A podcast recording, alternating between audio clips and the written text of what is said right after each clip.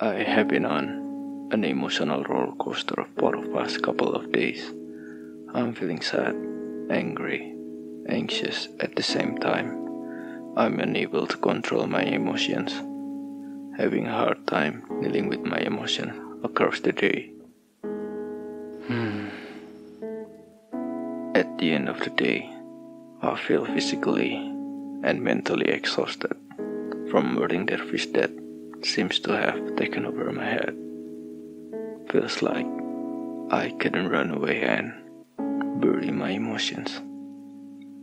Then I learn how to cope with my emotions. If you're feeling emotional today, you are allowed to be. Everyone feel happy, sad, blue, or angry each day. They process events and emotions differently.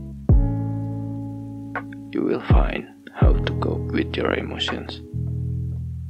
Perhaps it will be different with how others people have been cope with their emotions.